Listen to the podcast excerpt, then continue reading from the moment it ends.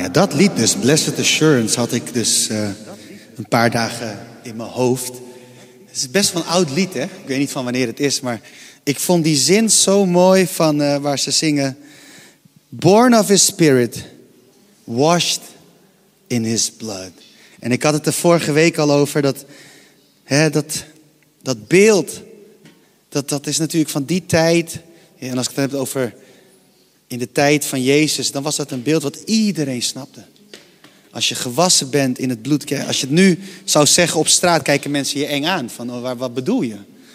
Maar, maar voor ons als gelovigen, kijk, dat is ook iets wat je niet moet vergeten. Het christendom vindt zijn roots in, in, in de Joodse context. Dus al die liederen die we zingen over het lam, over het bloed van Jezus, heeft er allemaal, heeft daarmee te maken. Je kan het niet los van elkaar trekken. En soms willen mensen dat wel, maar dat gaat je niet lukken. Want het, het is in elkaar verbonden. En als we het dus hebben over washed in his blood, dan hebben we het over dat we vergeven zijn, dat we ondergedompeld zijn, dat we schoon zijn van zonde. Dat eigenlijk wat we hebben gezongen, dat we gedragen worden door zijn genade. Dat, dat betekent dat. En we kunnen dat zingen omdat Jezus voor ons is gestorven aan het kruis, omdat, hij zijn, omdat zijn bloed heeft gevloeid aan het ruwhouten kruis van Golgotha. That's it. Als dat niet was gebeurd, dan konden we dat niet zingen. Dan was het een mooi liedje, was het een mooie droom, was het leuke fantasie, maar dan had het geen effect. Maar juist omdat Jezus de volledige prijs heeft betaald, kunnen we dat zingen. Dat is super mooi, toch? Of niet? Ik vind het mooi. Ik hou ervan. Echt waar. hey, over vier weken is het Pinksteren. En dat is ook een heel mooi feest. Pinksteren is het feest van de geboorte van de kerk. Met kerst gedenken we de geboorte van Jezus hier op aarde. En met Pinksteren gedenken we de geboorte van de kerk. Maar Pinksteren is veel meer dan alleen dat. ook dat vindt zijn roots weer in de Joodse traditie. Ik heb er wel eens over gesproken. Het is helemaal niet de preek voor vandaag, maar wel leuk om te weten. Uh, Pinksteren uh, valt samen met het Joodse feest. Wie weet dat toevallig? Shavuot. En dat is het oogstfeest. Het wekenfeest van de Joden. En wat vierden de Joden met Shavuot? Ik vertel het jullie meteen.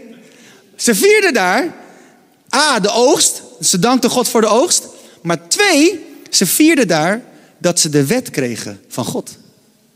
Dat wat er gebeurde op die berg. Dat ze daar de wet kregen. Dat werd gevierd met Shavuot, met het wekenfeest, met Pinksteren. Toen schreef God de wet in stenen, in steen, in stenen tabletten. Maar wat gedenken we met Pinksteren? Dat God zijn geest uitstortte en toen schreef hij zijn wet in onze harten.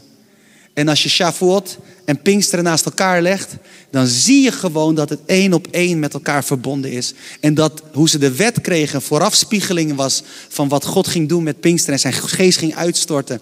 Waar hij eerst de wet schreef en de wet als het ware van buiten als richtlijnen, als kaders was, kwam met Pinksteren kwam de geest in ons en dan ging hij van ons vanuit binnenuit sturen. Hoe vet is dat? Dan, dan heb je die kaders nog steeds. Ik wil niet zeggen die kaders niet meer zijn. Maar waar we eerst moesten letten op die kaders, mogen we nu verbonden zijn met de geest. Door Pinksteren. Supermooi. Maar dat is over vier weken. En dan hebben we, en daarom begin ik erover. Over vier weken hebben we geen fysieke dienst. Uh, want een groot deel van het team is of met zwangerschapsverlof. of, uh, en daar ook. Eh, of, met, of ze zijn naar Pinksteren, naar de Pinksterconferentie bij opwekking op Biddinghuizen. En een groot deel van Reconnect is daar ook. En dan kunnen we hier wel samenkomen, maar dan doet niemand de deur open. En dan zijn we met een heel klein groepje mensen. Dus de, de, de, de, de wens is, de vraag is, kijk of je met elkaar kan, kan carpoolen naar Biddinghuizen. Lukt dat niet, hebben we een online dienst, zodat je vanuit huis mee kan kijken. Maar uh, doe je best om erbij te zijn. Ik weet dat het niet voor iedereen haalbaar is, maar als het enigszins haalbaar is, kom naar Biddinghuizen. Je kan je daar aanmelden als daggast. Aanmelden als daggast is gratis. Je moet wel een parkeerkaart kopen, maar dat kost volgens mij maar 9 euro of 10 euro. Als je dat niet kan betalen, laat het weten. Er is vast iemand die het wil betalen voor je, anders betaal ik het voor je. Niet iedereen tegelijk komen, maar uh, het komt goed. Maar, want we vieren daar eigenlijk. En dan kan je zeggen, ja, maar waarom sluit je daar de kerk voor? Nou, Ik had het net over de Joodse tradities. Hè? En in de Joodse tradities heb je ook zo. De Joden hebben ook ritmes. Weet je, ze gingen dan, wekelijks gingen ze naar de synagoge, ze gingen daar naartoe. Maar eens in de zoveel tijd hadden ze feesten, dan gingen ze allemaal naar de stad. En wij zijn geen Joden, wij zijn gewoon de gelovigen uit de heidenen, zoals dat in de Bijbelse termen heet. Maar ik vind het wel een mooie gedachte dat we één keer per jaar in ieder geval met elkaar naar, dat, naar die plek gaan om samen te vieren dat we deel zijn van een veel groter geheel. Want hier zien we alleen maar wat hier gebeurt. Dit, kleine leuke groepje wat, mij, wat ik thuis noem en waar ik me heel erg thuis voel. En ook met de mensen die online kijken. Hallo mensen online, hoi. Weet je, ook jullie, weet je, dat is hartstikke leuk. En samen zijn we misschien met 200, misschien iets meer, ik weet het niet. Niemand weet het tegenwoordig na de pandemie. Maar we zijn met een groepje mensen. Maar hoe mooi is het dat je dan één keer per jaar ontdekt, we zijn met zoveel meer. Weet je wel? En samen vieren de goedheid van God. Samen vieren de uitstorting van de Heilige Geest. Samen vieren de geboorte van de kerk. Is superleuk. We gaan naar het verjaardagsfeest van de kerk. En dat doen we dan met 50, 60, 70.000 mensen. Is hartstikke leuk. ik zie Leo die wacht op de vertaling en ik zie hem de vertaling. Oké, ik moet nu lachen denk ik, want Gilbert kijkt mijn kant op. maar ja, ook dat. Maar dat gaan we dus doen. Er staat superveel moois op het programma.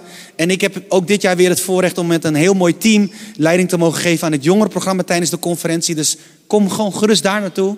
Want er komen heel vaak mensen die helemaal niet meer jong zijn naar de jongere deel van de, Want dat is echt superleuk. Niet zeggen dat ik dit hardop heb gezegd. Want we zijn één conferentie, maar het jongerenterrein is echt super vet.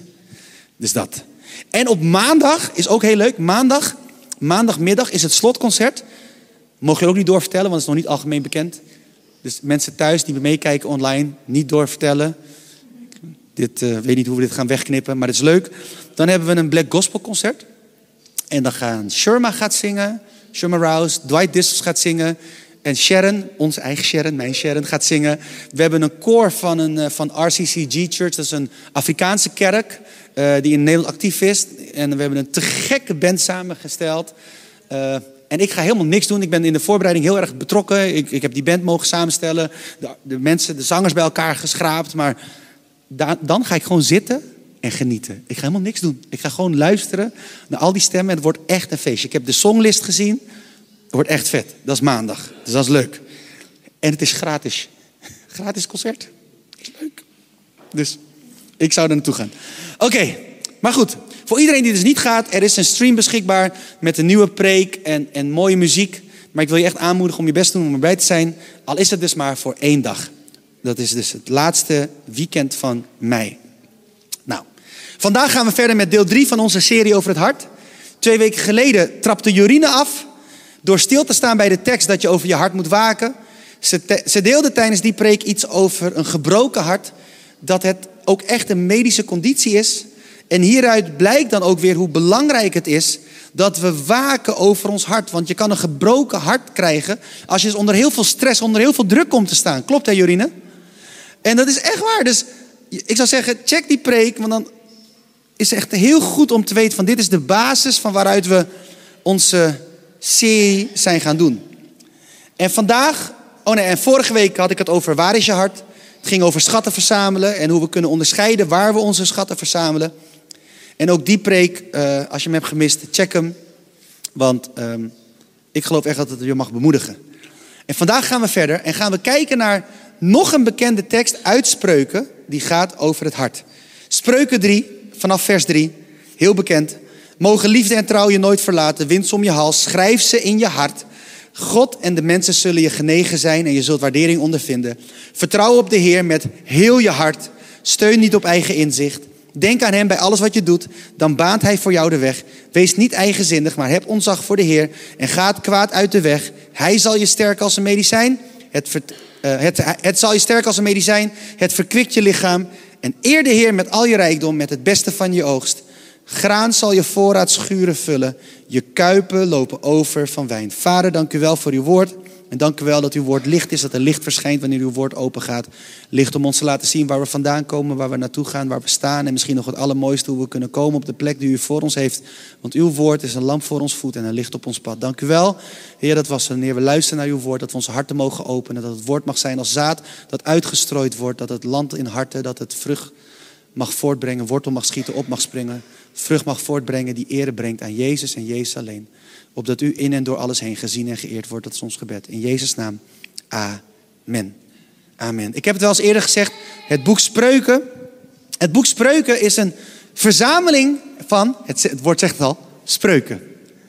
Het is geen boek van beloftes. Het is een boek van spreuken. Salomo, in de wijsheid die hij had gekregen van God, observeerde hij het leven. En hij zag dingen, hij zag principes. En die is hij gaan opschrijven. Hij zag principes, hij, hij doorzag dingen. En hij dacht, dit schrijf ik op, want hier hebben mensen wat aan. En zo ook dit. Dit zijn dus ook principes. Principes, adviezen waar je iets aan hebt, waar je jezelf, waar je winst mee kan behalen. En een van de eerste dingen die we dus lazen is, mogen liefde en trouw je nooit verlaten. Wind ze om je hals, schrijf ze in je hart. En ik vind dit heel mooi. Wind ze om je hals. Draag het als een ketting. Zodat het zichtbaar is. Dat liefde en trouw, draag het als een zichtbaar iets. Dat het zichtbaar mag zijn voor de mensen om je heen. Dat wanneer ze je zien, dat ze als eerste je ketting zien. Van liefde en trouw. Dat, dat dat zichtbaar is. Je kan heel mooi zeggen dat je in je hart heel veel houdt van mensen. Maar als het niet zichtbaar is, dan heb je er zo weinig aan. Draag het als iets om je hals. Laat het zichtbaar zijn voor de mensen om je heen. Dat mensen je kunnen herkennen aan je liefde en je trouw. Dat mensen je dus niet herkennen aan je praatjes, aan, aan, aan, alle dingen die je misschien vertelt, maar dat ze je kunnen herkennen aan je liefde, aan je trouw. Dat je trouw bent. Trouw is iets wat je moet zijn. Hè? Trouw kan je niet zeggen. Dat is een goeie, hè? Je hebt wel eens mensen die, die praten heel veel, maar daar heb je niks aan. Je hebt mensen nodig die iets doen, die iets zijn. Je bent trouw. En liefde is ook vooral iets wat je doet. Het, het, is, iets wat je. Ze zeggen wel eens: liefde is een werkwoord. Het is iets wat je doet. Dus dat zegt Salomo als eerste. Wind ze om je hals.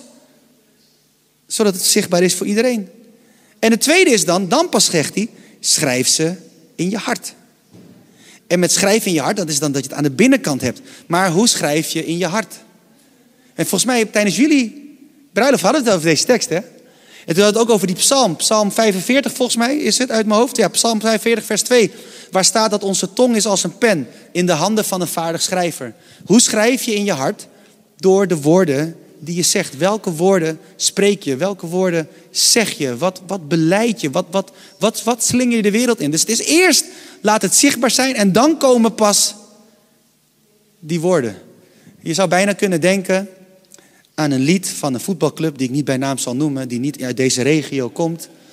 Maar die hebben als lied geen woorden, maar daden. Oh ja, iemand komt uit 010 hè, oorspronkelijk. Ik zie iemand al, yes 010. Nee, ja, is goed. maar dat is het. Weet je wel?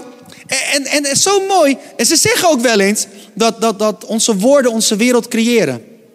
Maar ik denk dat je het beter kan nuanceren als je zegt dat onze woorden bepalen hoe wij onze wereld zien. Ze kleuren onze wereld. Schrijf de juiste woorden in je hart. Dus dat is stap 1. Winst om je hals, schrijf ze in je hart. En dan is het heel mooi, want wanneer je dat doet, dan zullen God en mensen je genegen zijn en zul je waardering ondervinden. En het is ook zo. Mensen die liefdevol zijn en trouw zijn, waar je het van ziet, niet waar ze het over vertellen, maar waar je het van ziet, die mensen houden van die mensen. En, en als mensen woorden van liefde en trouw spreken, dat zijn, dat zijn leuke mensen om bij te zijn. Dat zijn niet de klagers, dat zijn de bemoedigers.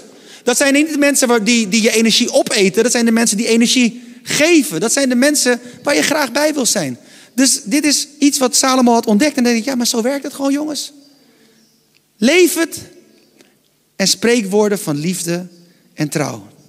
Nou ja, dat is dus deel 1. En dan komt deel 2, en daar wil ik het echt over hebben. Vertrouw op de Heer met heel je hart. Steun niet op eigen inzicht.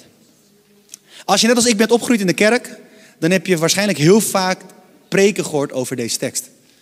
Dus ik heb er heel veel over gehoord. Vertrouw de Heer met heel je hart uh, en, en steun op je eigen inzicht niet. En, en ik ga jullie nou iets opbiechten en ik hoop dat jullie me vergeven. Maar ik weet dat je dit moet doen, Maar ik vond dat best wel lastig. En ik wist niet van, maar hoe doe ik dit dan? Hoe vertrouw je op de Heer met heel je hart? En dan kan je wel zeggen, ja, met alles wat je hebt. Maar hoe doe je dat? Wat is alles? En, en, en dan is het zo leuk dat de Bijbel een boek is met teksten die niet op zichzelf staan, maar die deel zijn van een groter geheel. En als je de tekst dus doorleest, dan zie je dus ook eigenlijk dat Salomo ons door de Heilige Geest ons handvatten aanreikt van, hey, zo kan je dat dus doen. Dus ik denk, oh, we gaan gewoon verder lezen. Vers 6, denk aan hem bij alles wat je doet, dan baant hij voor jou de weg. dacht ik, ah, oh, dus zo, zo vertrouw je op de Heer met heel je hart en steun je niet op eigen inzicht. En in het Engels staat het nog mooier, vind ik, in all your ways submit to him. And he will make your path straight. Dus in alles wat je doet, onderwerp je aan hem. Onderwerp je aan God. Dus niet steunen op je eigen inzicht betekent niet dat je niet je hoofd moet gebruiken. Gebruik wel je hoofd, want hij heeft je hersenen gegeven. Maar wanneer je je hoofd hebt gebruikt, onderwerp je dan aan hem en zijn wil en aan zijn woord en aan wat hij zegt. Laat hem het laatste woord hebben en denk niet van ik weet het allemaal beter. En dan baant hij voor jou de weg. Dus de oplossing vinden we niet in het overpijnsen, maar in overgave. Wanneer je overgeeft aan Jezus. En dan komt vers 7. Wees niet eigenzinnig, maar heb ontzag voor de Heer en ga het kwaad uit de weg. En in het Engels staat daar, wees niet wijs in je eigen ogen, maar heb ontzag voor de Heer en ga het kwaad uit de weg. Wees niet eigenzinnig, wees niet wijs in eigen ogen. Dus denk niet dat je het allemaal wel weet. Maar heb ontzag voor God en ga het kwaad uit de weg. Bij alles wat je doet, denk aan Hem en denk dus niet dat je alles weet, maar heb ontzag voor God. Heb ontzag voor God. En dit is dus wat het betekent om te vertrouwen op God met heel je hart. En niet te steunen op je eigen inzicht. Dat is het eigenlijk. Dat je in alles wat je doet denkt van Heere, geef dit ere aan u. En dan is het best wel lastig. Want we doen nogal veel op een dag. Ik weet niet, ik doe best wel veel. En het betekent dus niet dat je dus niks meer mag doen, hè? Maar gewoon, pas dit binnen, mag ik dit doen? Is dit, brengt dit eer aan u? Is dit, is dit goed in uw ogen? Besteed ik mijn tijd zo goed? Is het oké? Vindt u het oké als ik vijf uur per dag achter mijn telefoon zit? Of zo. En als je niet weet hoeveel je achter je telefoon zit, kijk naar je schermtijd en ploef, dan zie je het. Is niet altijd heel eerlijk. Als je veel in de auto zit en je gebruikt Waze, gaat je schermtijd ook omhoog. Dat is mijn smoes altijd. Maar, maar gewoon, je kan dus jezelf eerlijke vragen stellen. Die soms lastig zijn, maar van met de tijd die ik heb, de dingen die ik doe, onderwerp ik mijzelf met mijn daden aan u. En, en, en zijn het dingen die u eren? Zijn het dingen die spreken over dat ik diep ontzag heb voor u? Of doe ik stiekem wat ik zelf wil? Zoek ik stiekem zelf gewoon de ruimte die ik mag gebruiken en doe ik dat gewoon lekker, want dan zondig ik niet, maar dan doe ik gewoon wat ik wil. Weet je wel, dat, dat zijn lastige vragen die ik me de afgelopen weken heb gesteld. Want ik dacht van, ik wil dit doen. Ik wil op God vertrouwen met heel mijn hart. Ik wil dat ik niet langer steun op mijn eigen inzicht. Ik wil zo leven. Want ik geloof dat dat de beste weg is om zo te leven. En het mooie is, dan zijn er ook een paar consequenties die verbonden zijn aan dit principe als je zo leeft. Vers 8 zegt, wanneer je dat doet, zal het je sterken als een medicijn. Het verkwikt je lichaam. Wanneer we leven in afhankelijkheid van God, dan zullen we gesterkt worden en zal het ons lichaam verkwikken. Wanneer we leven in afhankelijkheid van God, wanneer we leven en alles aan Hem durven te geven, dan zal het ons sterken als een medicijn. Het verkwikt ons lichaam.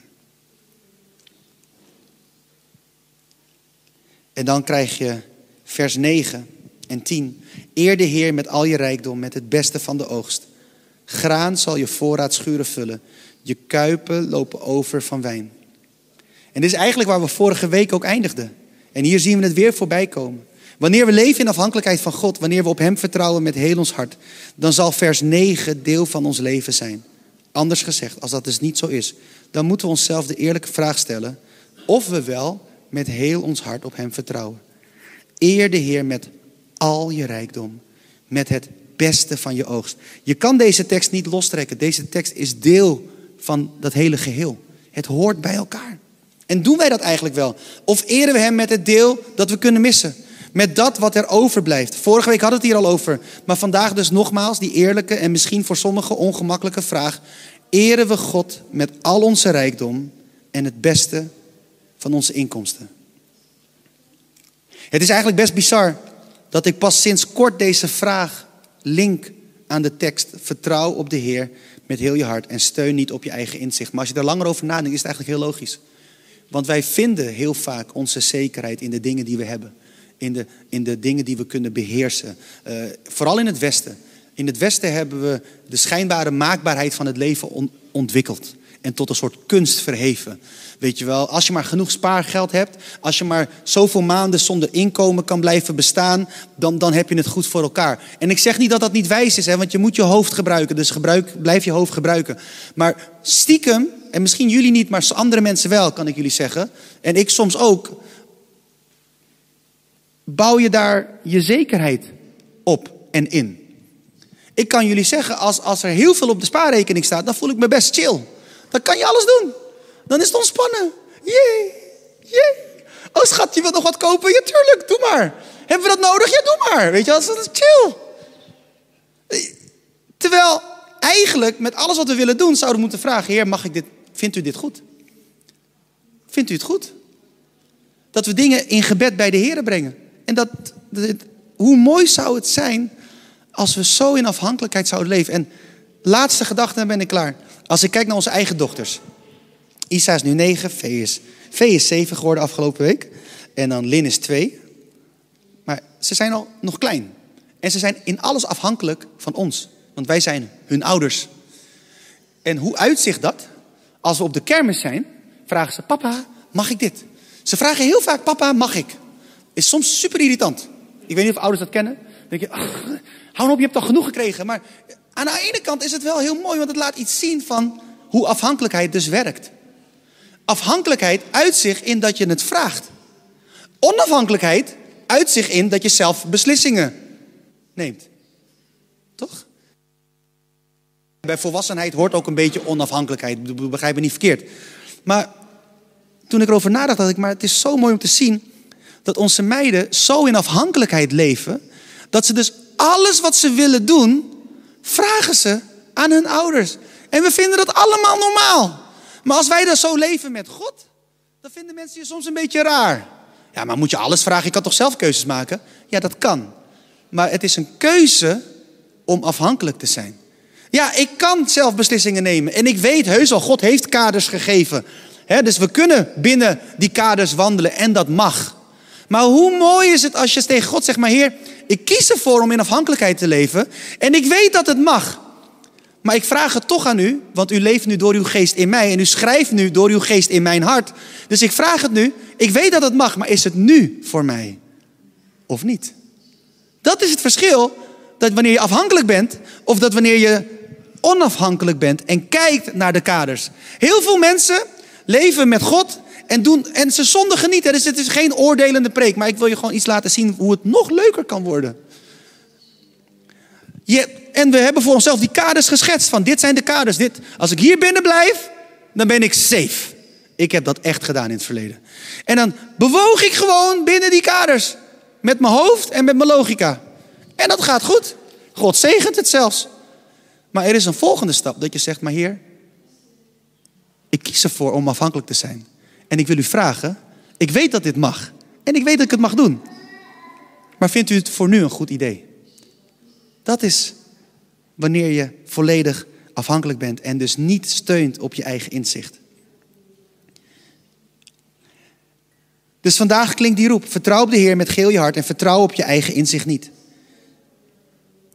En als je dus wilt weten of je dat al doet, kijk dan gewoon heel eerlijk, zonder oordeel, hoe je omgaat met deze drie dingen. Denk aan Hem in alles wat je doet. Onderwerp je aan Hem in al je wegen. En dat uitzicht dus hierin. Dat je gewoon vraagt, Heer, ik weet dat dit mag. Ik weet dat dit oké is, maar is dit nu voor mij? Mag ik dit nu doen? En geen oordeel als je dat tot vandaag niet zo vaak hebt gedaan. Helemaal niet erg. En ook geen oordeel als je het na vandaag niet doet. Maar geloof me, echt waar, probeer het. Dit gaat je leven nog meer zegenen. Want je gaat het dan ervaren van hé, hey, Kijk, toch nog een voorbeeld over onze dochters. Ik leer zoveel van onze dochters, echt waar. Omdat zij in afhankelijkheid leven van ons. Ze hebben ook geen keus, maar toch. Omdat ze dat doen, doen wij er alles aan om voor hun te zorgen. Dat doe je toch als ouders? Alle ouders, ik zie ouders een beetje knikken. Ja, dat doe je. En op een gegeven moment, ik weet nog, ik, toen ik kleiner was, mijn ouders deden alles voor me. En op een gegeven moment werd ik zelfstandig. Wat ook gezond is, hè? Ik bedoel, dat is ook heel normaal. En ik ging op mezelf wonen. En dan verandert de band een beetje. We houden nog heel veel van elkaar. Ik mag altijd langskomen, gelukkig. Er is bijna altijd eten, maar als ik niet bel, heb ik het risico dat er geen eten is. Weet je wel, dat is, een andere fase. Maar toen ik nog volledig afhankelijk was van hun, was er altijd genoeg eten. Waren er altijd kleding, kleding was alles. En ik werd, wij werden echt verwend door mijn moeder. Hè? Dus de kleren werden gewoon gewassen, werden gewoon gestreken. De kast was vol. Weet je wel, de psalmist schrijft: Mijn beker vloeit over. Bij mij was het: Mijn kast vloeit over. En toen ging ik op mezelf wonen. is anders. Want dan moet je zelf wasjes draaien. Anders is die kast gewoon leeg. Doe je hem open? Nee. En dan ga je ruiken. Ja, dit kan nog net, weet je wel. oh, oh, echt heel slecht dit. Iets te eerlijk nu. Maar dat is het verschil. Tussen afhankelijkheid en zelfstandigheid. Maar toen ik afhankelijk was, moest ik alles vragen.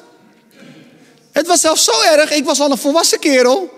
Maar ik woonde nog thuis. Als ik weg wilde, maar ik ga weg. Ja, kom je thuis om te eten? Ja, dat weet ik niet. Ja, dat moet je wel zeggen. Ik ben geen hotel, hè? Dat kreeg ik dan te horen. Dus dan moest je afhankelijk. Maar op het moment dat je onafhankelijk bent, niemand vraagt meer. Ja, en dan ben je getrouwd en dan ben je weer afhankelijk, maar dat is weer een andere fase. Weet je wel, maar dat is, zo werkt dat. Dus denk aan Hem in alles wat je doet. Onderwerp je aan Hem in al je wegen. Dus vraag God, mag ik het doen? En tweede is dus, wees niet wijs in je eigen ogen, maar heb ontzag voor God. Dus denk niet dat je alles weet, maar heb ontzag voor God. En hoe uitzicht dat? Dat je zegt, Heer, u weet alles. U staat boven alles. U weet wat het beste is voor mij. U houdt van mij. U heeft alles gegeven voor mij. Dus ik wil u vertrouwen. Dus is dit nu voor nu? Mag ik dit nu doen? Of zegt u, wacht even, of ik heb een ander plan voor je. Iemand heeft wel eens gezegd, als je iets aan God vraagt, zijn er drie mogelijke antwoorden. Het eerste antwoord is ja, dat mag. Het tweede antwoord is nog niet. En het derde antwoord is, wie weet het? Ik hoor mensen zeggen nee, nee dat is het niet. Het derde antwoord is, ik heb iets beters. God heeft altijd het beste met ons voor, want hij houdt van ons. Zijn nee betekent nooit, je mag het niet. Zijn nee betekent altijd, ik heb iets anders voor je. Iets wat beter is. Iets wat meer bij je past. Iets, iets waarmee jij meer tot je bestemming komt. Dat is zijn nee. En het derde punt is eer hem met al je rijkdom en het beste. Het eerste van wat je verdient. En dan zeg ik het toch nog een keer. Ik had al gezegd, we hebben, vorige week zei ik het, we hebben nog twee weken om over na te denken, om ervoor te bidden. Maar denk erover na, bid ervoor. Heren, wat mag ik aan het begin van elke maand opzij zetten voor u aan tijd en aan middelen?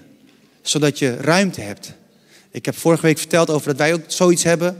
En daardoor hebben we een soort potje waaruit we dus mensen kunnen zegenen. Als mensen naar ons toe komen die zeggen van, heb je geld voor me?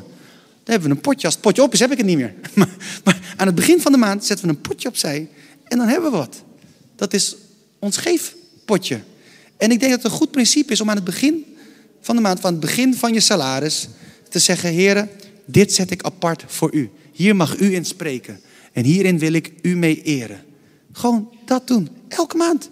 Maar dan doe dat ook met je tijd. Dat je dus ook ruimte hebt in je agenda voor de knipogen van God. Dat je dus tijd hebt, want we plannen onze agenda soms zo vol. Het is helemaal niet gezond. Niet goed. Plan ruimte in. Zeg, Heer, dit is ruimte. Hierin mag u spreken. En, en als je dat doet, ik, ga je, ik weet zeker, je gaat het zo leuk vinden. En, dat, en, en die ruimte gaat groeien. Want God gaat je steeds meer, gaat steeds meer met je optrekken. Hij gaat je steeds meer geven. En wat gebeurt er als je dat doet? Dan kan je denken van ja, maar als ik dat ga doen en dat groeit, dan eindig ik met niks. Nee, dat is helemaal niet waar. Want wat zagen we in vers 10? Graan zal je voorraadschuren vullen. Je kuipen lopen over van wijn. Wanneer je zo gaat leven, wanneer je aan het begin iets apart zet voor God, tijd en middelen, dan geloof ik met heel mijn hart dat God gaat voorzien.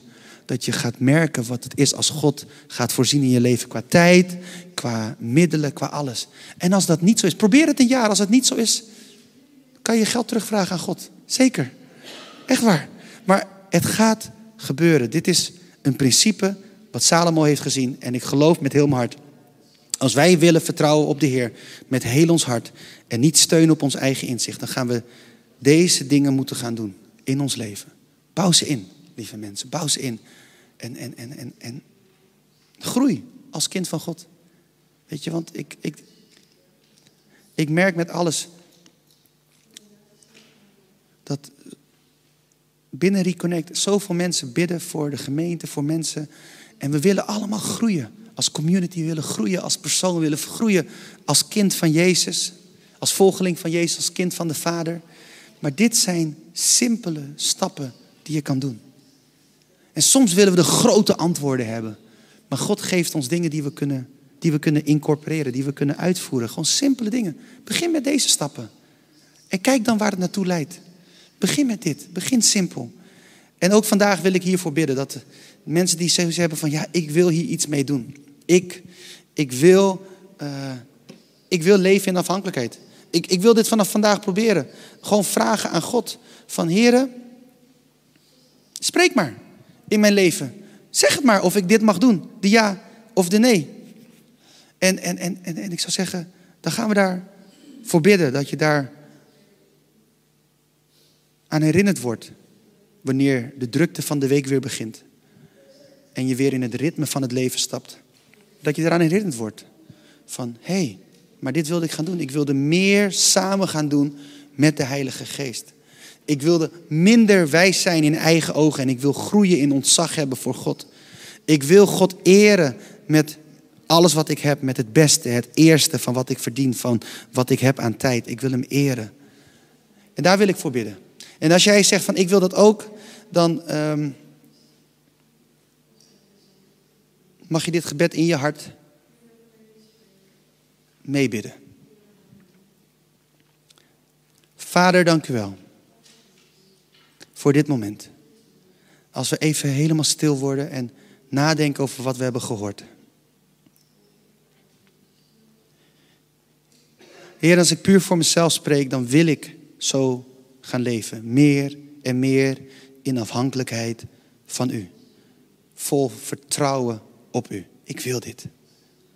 Maar Heer, ik beleid tegelijkertijd ook meteen dat ik vaak genoeg beslissingen neem, beslissingen neem zonder het aan u te vragen. En ik weet, Heer, het is misschien niet eens een zonde, maar ik wil het wel beleiden aan u, want ik wil mijn wil onderwerpen aan u. Ik wil gewoon dat het een routine wordt van mij om te vragen aan u, Heer, is dit wat u voor mij heeft in dit seizoen? Is dit voor nu? Of misschien voor later? Of heeft u iets beters? Heilige Geest, ik wil meer in afhankelijkheid leven van u. Dus ik wil u ook de ruimte geven in mijn leven.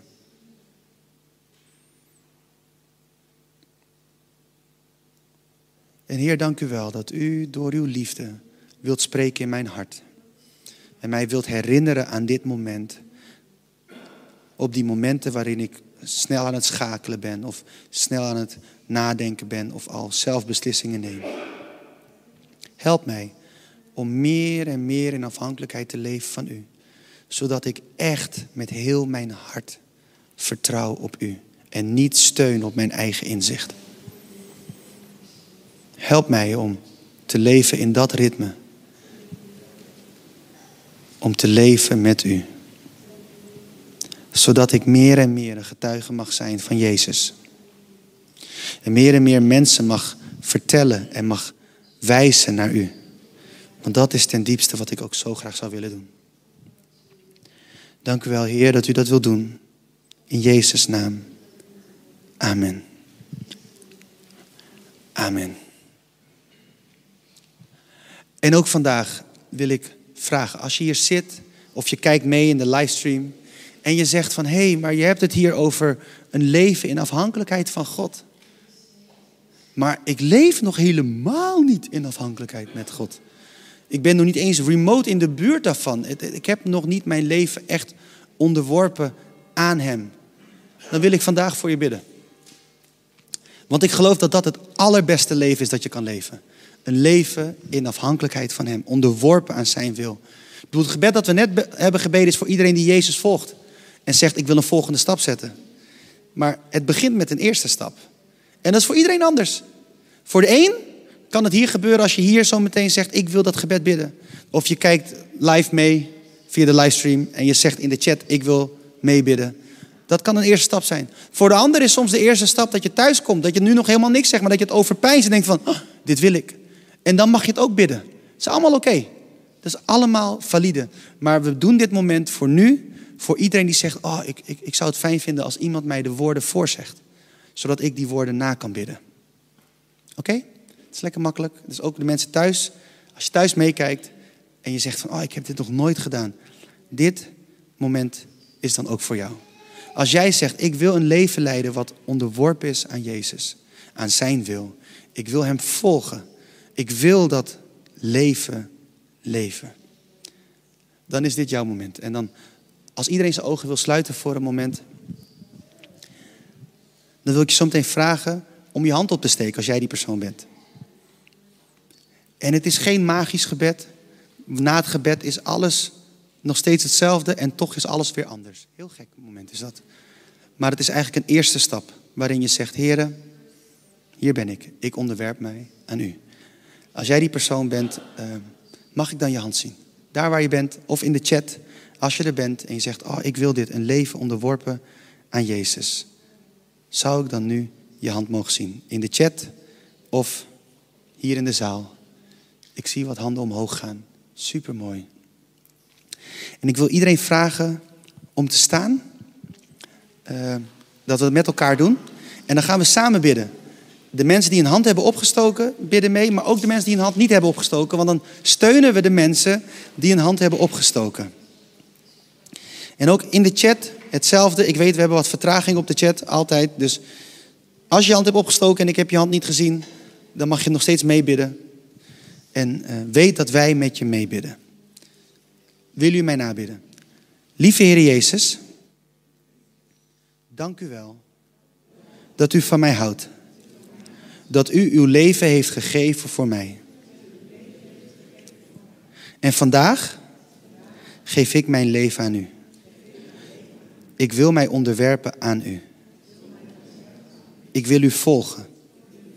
Ik wil achter u aangaan. En wilt u mij helpen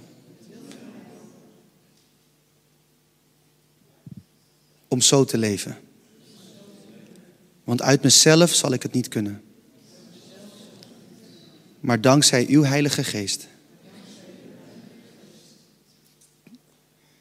kan ik het wel. En dank u wel dat ik vergeven ben. En dat ik een kind van u mag zijn.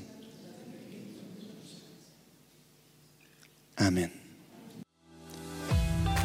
Hey Gilbert hier, bedankt dat je hebt geluisterd naar de podcast van Reconnect Community Church. Ik hoop en bid dat je er niet alleen door bent bemoedigd of geïnspireerd, maar dat deze uitzending jou ook weer meer heeft mogen wijzen naar Jezus en zijn liefde, genade en trouw voor jou en voor mij. En als jij, net als wij, ook enthousiast bent over deze podcast, dan kan je ons helpen door je te abonneren op ons kanaal en deze overdenking te delen met vrienden en bekenden. Mocht je ons ook financieel willen ondersteunen, dan kan dat via reconnect.cc/geven. Je helpt ons dan om dit te blijven doen, zodat wij mede dankzij jouw steun mensen kunnen blijven bereiken met het goede nieuws van Jezus. Bedankt voor je betrokkenheid en je support.